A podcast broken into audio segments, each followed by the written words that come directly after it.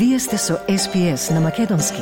Слушнете повеќе прилози на sps.com.au козацрта на Седонин. На SPS на Македонски, јас сум Ана Коталеска.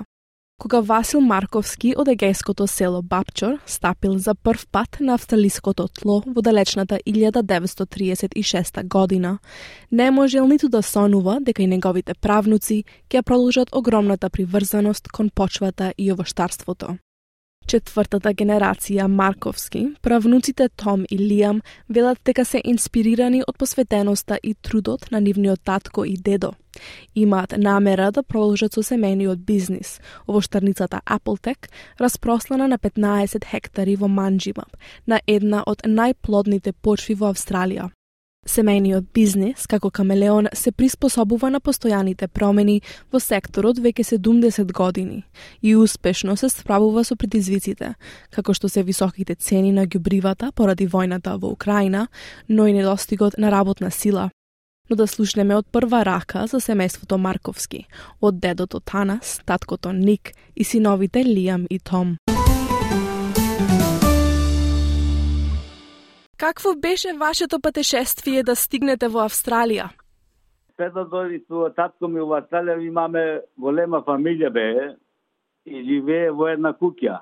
Татко му се пренуди да изела во Австралија 36 година. Така. И сетне беше да работи за 5-6 години, да се врате па назад, да си, да си билде куки, зашто ти знаеш ти четири братија да биде во една куќа, не може да живее на, на едно. Да. Татко ми тоа се пренуди, се зајме пари од комшијата ни, друг тамо, да зела пари, да дојде во Австралија. Арно, ба, кога дојде времето тога, се фати Втората световна војна и патишата се затворие. Кога дојде тоа Австралија, работае во Бриштијан, работници по еден ден, ден, ден да работае, нема работа. Да. И сетна, што стана, се пренудие отворие нина индустрија, не само нашите македонци, имаше туа југославени, македонци, отворие да, да саде тутун. И сега тутуно, јас кога додох тува 48 братка ми и татко ми работае на тутун, садее сами тутун туа, и граде компаниите од Ситни окупвае. Шеста година тутуно сврши, зашто компаните му се полеше од тоа многу скап, не може да окупе, вели вашето место тамо вели во Менџима не струва вели е солена водата вели и тутуно не е добар. Кога сврши тутуно, по една година има е оставено на, во Фриментол тутун риджек 500 тона. И тој тутуно никој не окупаше, дојде на нова компанија окупи за 2 шилини пауно. И таа беше, се казваше Ротманс. Казваше, вели, се на луѓето казваа, вели, Ротманс, вели, направили милиони пари, вели, со на гроевите тутуно, што нечи неше, вели. Сетне, што, што бе стане работата, јас кај татко ми, работаме за 4 години надвор, посадиме јаболка. овощарник. И сетне, дојде јаболка да почнаме и, и си да направиме туа голем шет, си пакираме ние сами јаболката, имаме големи фризи и работаме долу во Перт со едни грци. И полека, полека, таа индустријата и таа почна, и таа умре. И сега денес, јаска со детето, детето моја туа и внучињата, име им е посадено лимони, а, им е посадено пашна фрут, калинки, дуни, и сега со таа индустрија се занимаваме туа. Многу во фамилија имам, и работам на едно тоа заедно, и јас ка потребам правам туа малце. Да. Ала мала. На што се сеќавате најмногу од почетокот на животот во Австралија? Туа во Австралија јас ка дека 15 години. Мгм. И тоа време кога дојде јас во Австралија, многу се уплашиме, ние имаше премногу многу муви. така. И цели, цели имае казено на, на главата мрежа, да не мувите да, не- да, не- да не влезе во очите. Да. И сетне многу се многу многу ни се виде лошо. Не знаеме езикот да говориме, Да. немаме пари, Седна ние полицијаска, ала мал не може да фата работа. Со, тоа беше законно, треба да бидеш од 18 години уверен да ти даде работа, да Да. да. во, во моментима. Мгм. Вие прво се преселивте во Манджемап или во Бриджтаун? А, Во Менџимап дојде. Дело ми, Дел, а татко ми дојде во Бриспион. И татко му нин, и двата брати работаја во Бриспион за три години. И сетне кога ви дојде што нема работа и знаеш многу луѓе работаја, така да ти речи и те дада во место тоа да го исчистиш ти тоа, Да. толку пари ќе ти толку пари ќе ти дада. Работа, работа, тој ништо не направи, е, што да ти прави. Исто, исто, ни- ниту плата да му даваше. И сетне се кој што ти реку понапред се принудие луѓето со да да посаде тутун на нин риск. И сетна полека полека индустријата почна, арнома тука пред да почне менашто да почне, имаше грк се казваше Микалидис. Тој садеше тутун нина нина и парми имаше и исто имаше нина фабрика во Перт. Тоа правеше цигарите и тутун. И се на тој дојде, вели јас ка вели мене сега вели не ми платна вели да држа вели парни, вели можда купам од тутунџите од Меджимов, значи поевтино.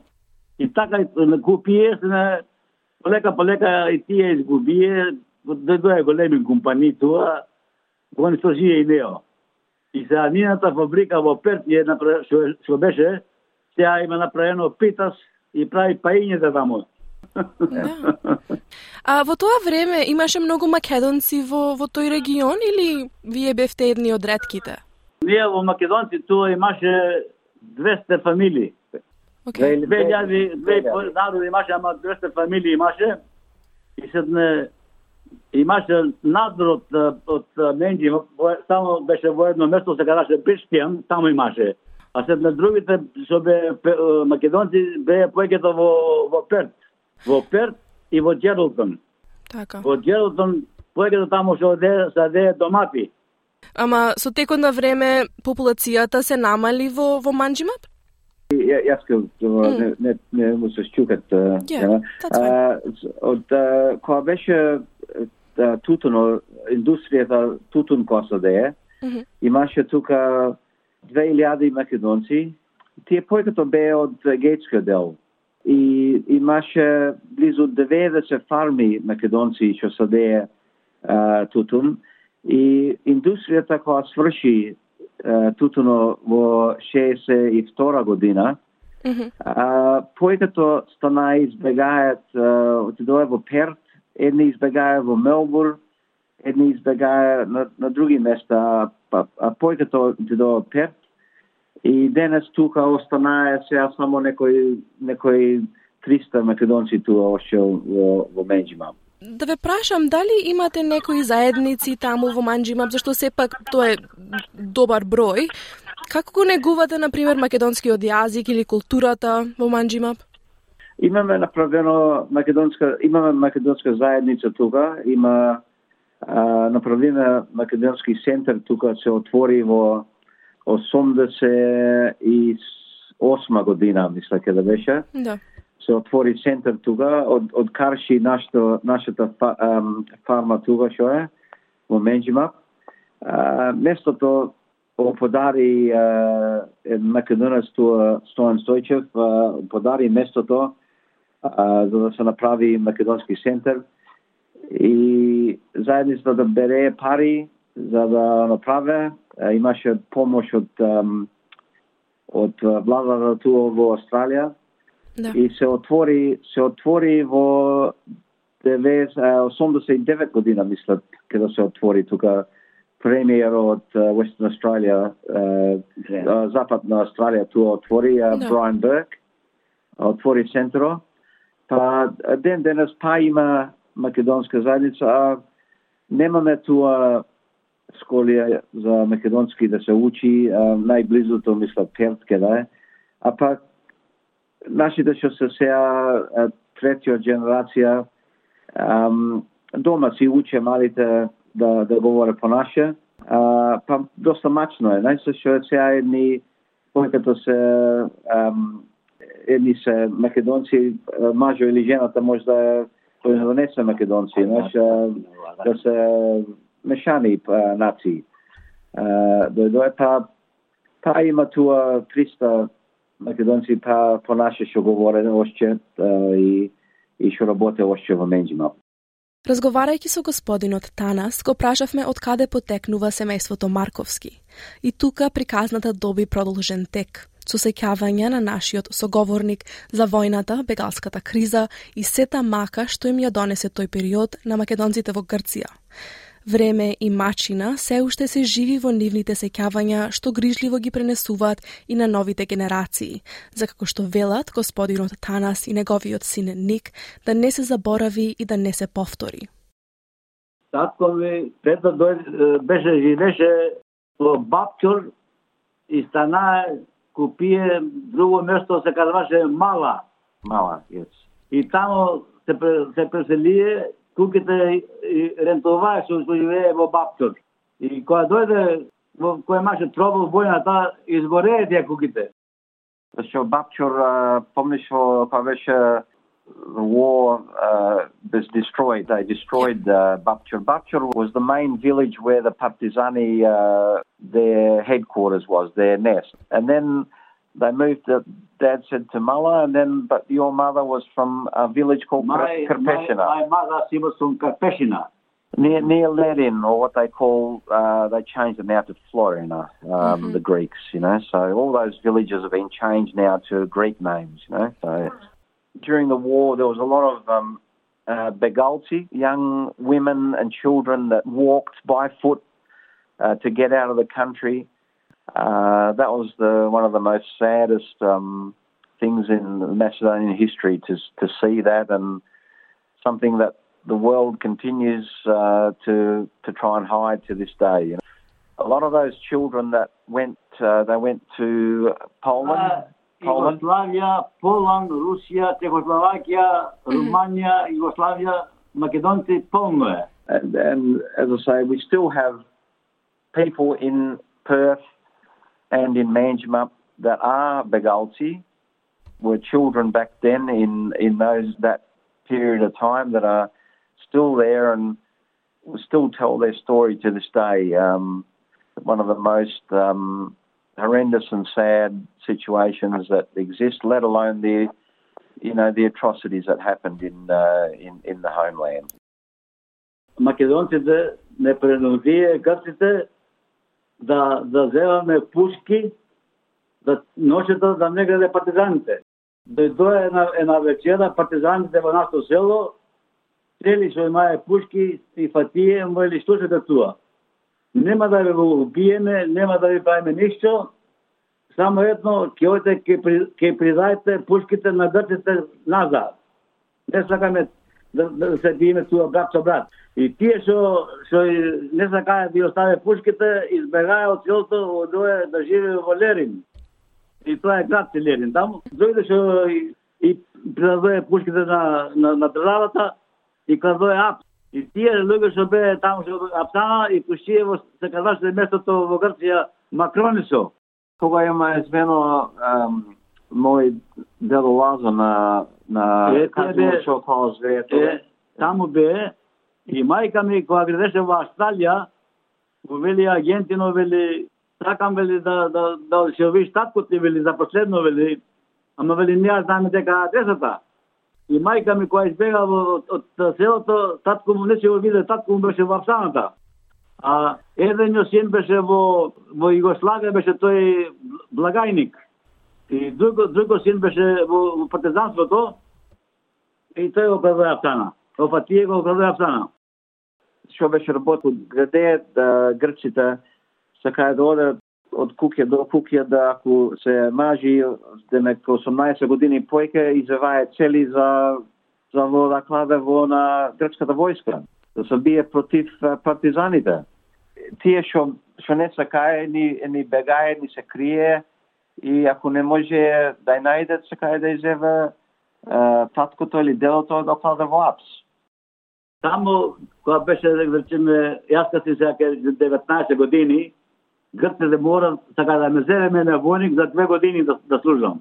И кога сака да ми сврши времето, и во тоа време кога беше партизанството, сака да те рече добро, сега пушката ти ја придаваш тоа, сега сакаш да те пустиме те апсана дожи во Макронисо или сакаш да земиш опет пушката да се биеш со партизаните. Еми луѓето ти били подобро да да да ѓам пушката што да ме маче во, во Макронисо да крша камење, да да, да јам вода се напија, да може да спија, ништо вели. И станаа се на грците казоe на на новините вели слушате тоа вели вели брат со брат се, се убиве тоа вели на партизаните вели. Каде ќе се убиве? Што војна ставаше се Македонската на, на македонска напрего пошлае. Се во селото во Бабчор, Деа почна нашата фамилија, од надева ми страда. денес ам, селото беше и цели куките, цели во, во тоа селото. Само остана 200 сои од сколјето и црквата остана. И до ден денес има македонци кладено малце пари да преправе црквата во Бабчур. И имаме книгите, јас имам книгите на интернет од цели фамилии што беа родени во Бабчур, цели имишча, фамилиарски имишча што беа.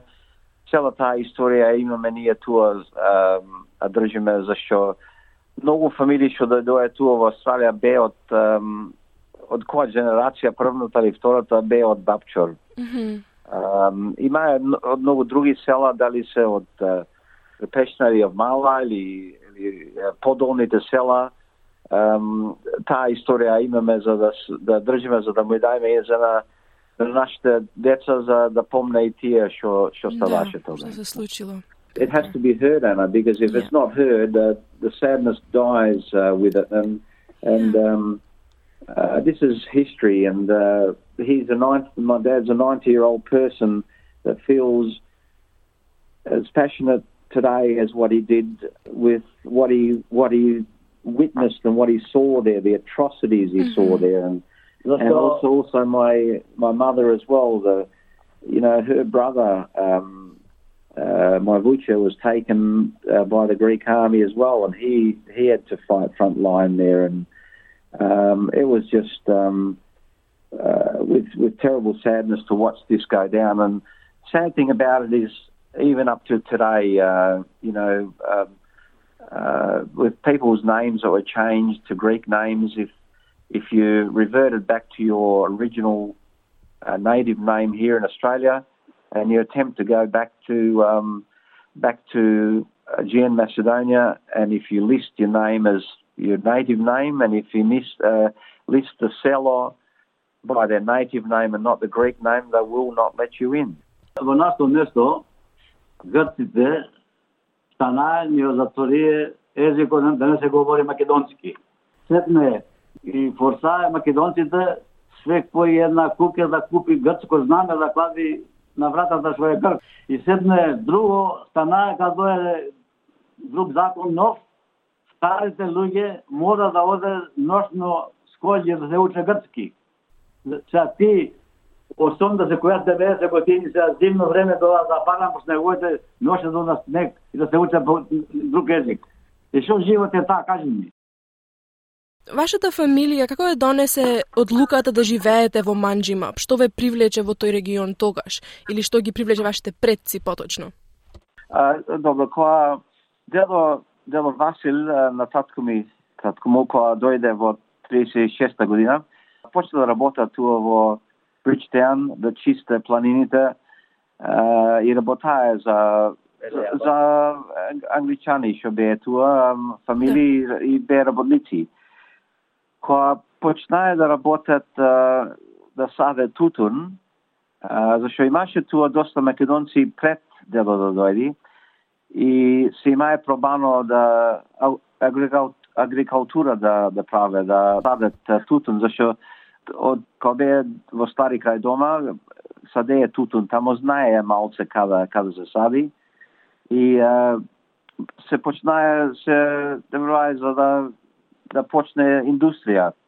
Тога е кога дедо кога беше сам пред да дојде татко ми и, и баба, а, почна да сади малце тутун туа со, со други а, македонци. Кога се отвори Втората светска војна, затворија све, границите, а, државите све затворија и тие не знае тој дали беше жив или тој не знаеше тие дали бе още живи. За 11 години немаја контакт.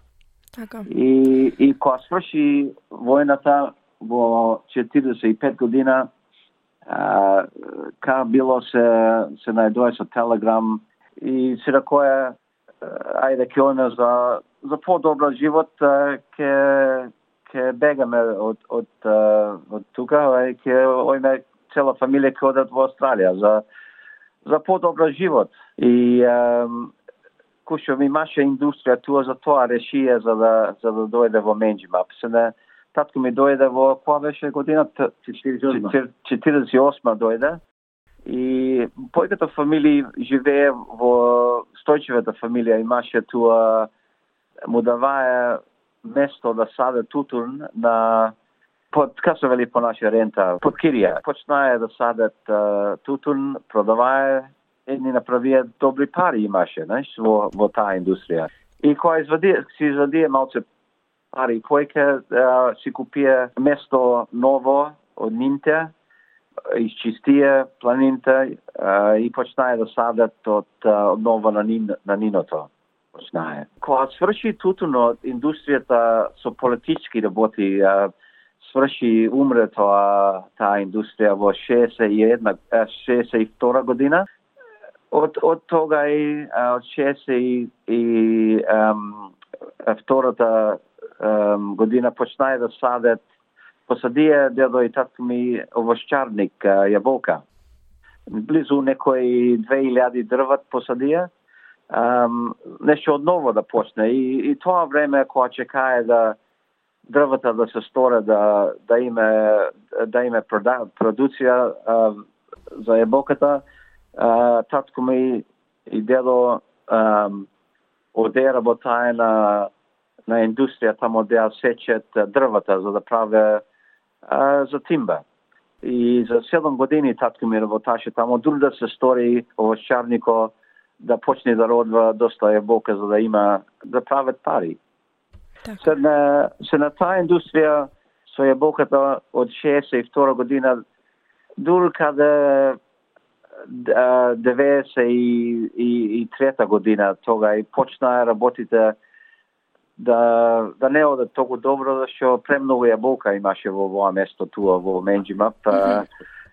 немаше експорт да пушве од други други држави, многу скапо туа на ницата и почнаме да се мислиме за нешто друго да да направиме, знаеш, имаме местото туа, а, вода имаме, убаво климат туа за за садење и почнаме дрвата остарее до тога и јаболката и почнаме да ја искоренваме, знаеш. И почнаме се не лимони посадиме, um, малце калинки, uh, passion fruit многу посадиме. Да. И местото се пресади цело се. Со ден денес може да имаме некои 200 јаболка още, ама ама излегоме од таа индустрија сега. Знаеш, времето мена, супермаркетот сега се по саке поќе саке за потра пари, така не можеме да да живееме така, знаеш. Какво беше вашето искуство со бизнисот Appletech во текот на пандемијата со коронавирусот?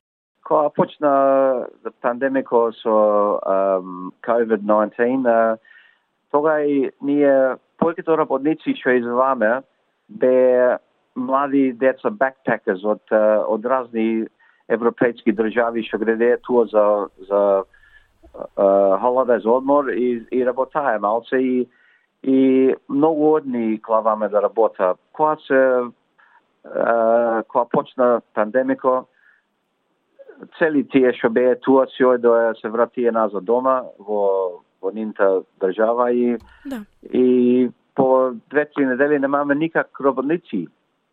Uh, ник, никак, само uh, јаска и двата синови што имам туа, само ние си работаме сами uh, и не можеме да ја собериме цели лимони и беше многу многу мачно дојде да работа. Затворија имае затворено хотелите, ресторантите, цели клабои што беа туа и не можеме да продаваме никак лимони за, за таа работи и другите а, фрута што имаме дојде многу мачно. Се не, не можеме да продаваме, се не почнаме со децата да да продаваме на што се каже по нашето weekend farmers market одеме со колите продаваме по weekend право на на на на паблико, знаеш, да право луѓето продаваме и така поминаме тоа време. Дури да се отворе пасве дукјаните и ресторантите пред да се отворе па. Сега се отвори се отворија па ресторантите, дукјаните што беа затворени, сега малце подобро, ама па още нема работници што градеа од другите држави. Знае малце да греде се, ама още доста мачно е. Во екот на пандемијата со коронавирусот, Ник вели дека го променил начинот на кој што функционира овоштарницата. Поради намалувањето на продажба на овошје на големо, започнале да ги посетуваат пазарите во Перт и во другите градови, 28 недели поред. Како што вели Ник, тоа се должи на трудот на неговото семејство. We uh, bought a, a brand new van and uh, we went weekends, every weekend for 28 weekends in a row. During the pandemic, uh, we went to the weekend farmers market in Perth. And sometimes on the weekend, we would do uh, two or three markets and just to try and sell some fruit. Basically, have to do what you have to do um, to uh, pay the bills and put food on the table. And it's um, it's what we had to do. And uh, as I say, my two sons who are 20 and 22, they um, they worked very, very hard, and uh, we were on the road, as I say, uh, for 20, 28 weekends in succession. You know, it takes four hours to get from Edge up to Perth, and uh, we would spend the weekends there, and, and during the week work our normal work.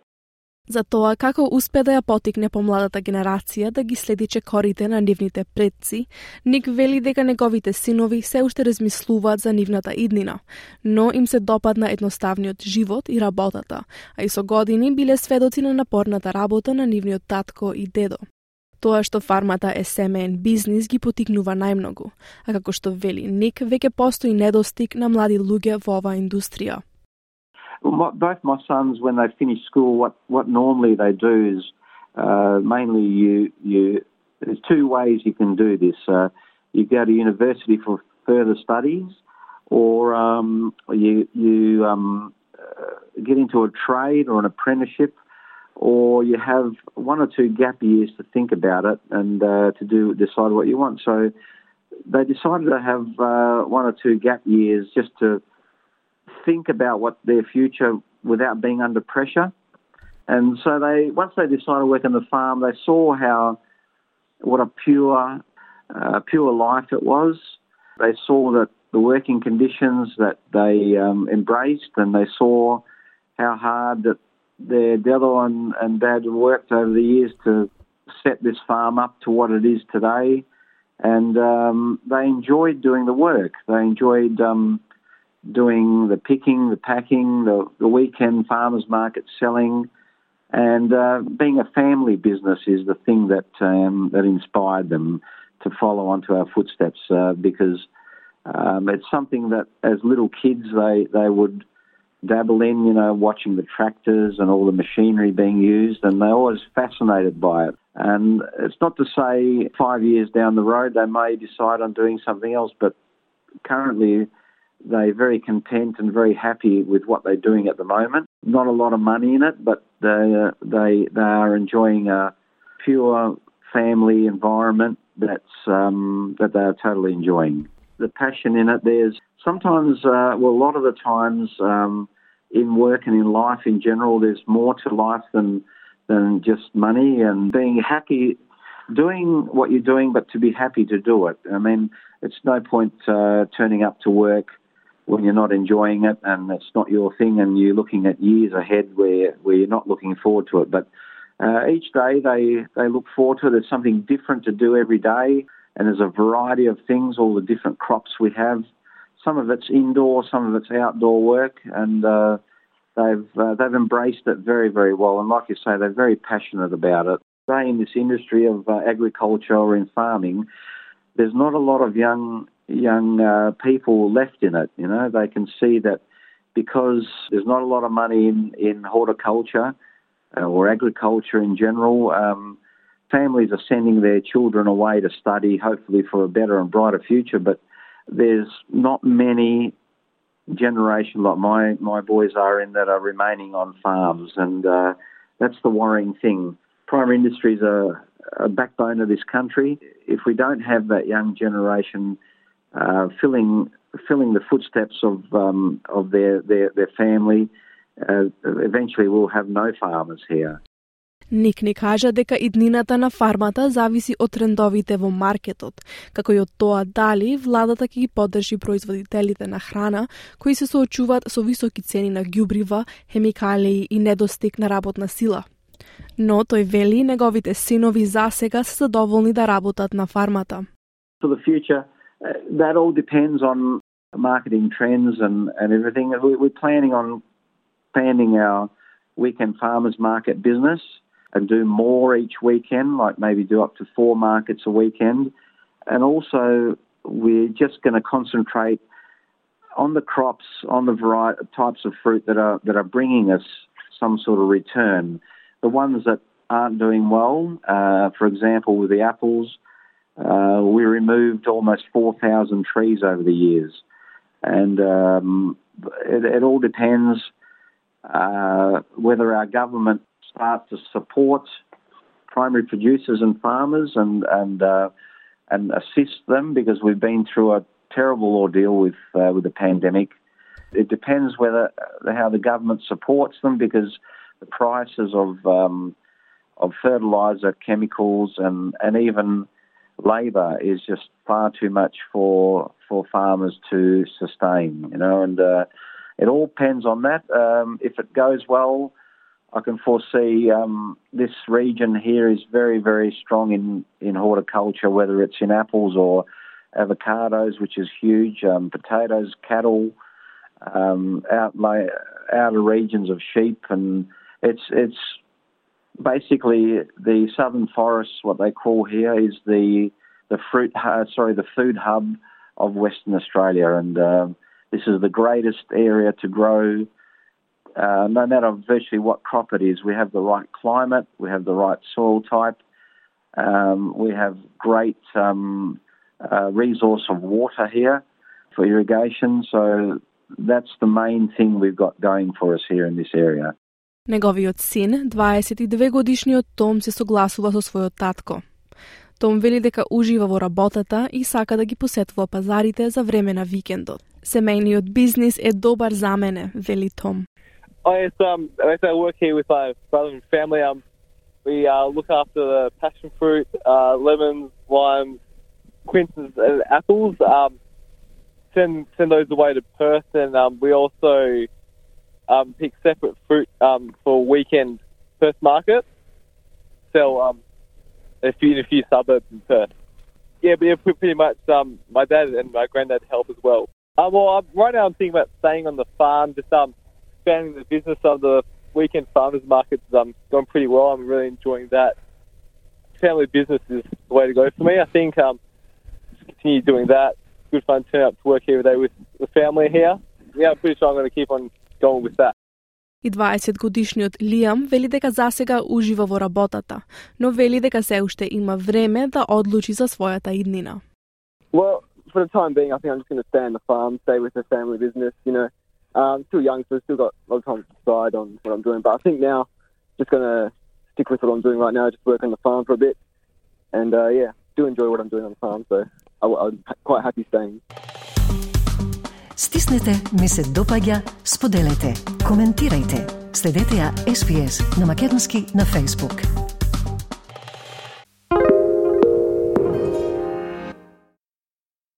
SBS is Australia's most trusted multilingual broadcaster. Our listeners are loyal, highly engaged, and have supported countless local businesses. We offer advertising packages for businesses of all sizes. Our experienced sales team will guide you through the process of owning a great campaign. Bring your own ad or have our production team make you something in one of our 68 languages. Start the conversation with your new audience today. Email sales at sbs.com.au.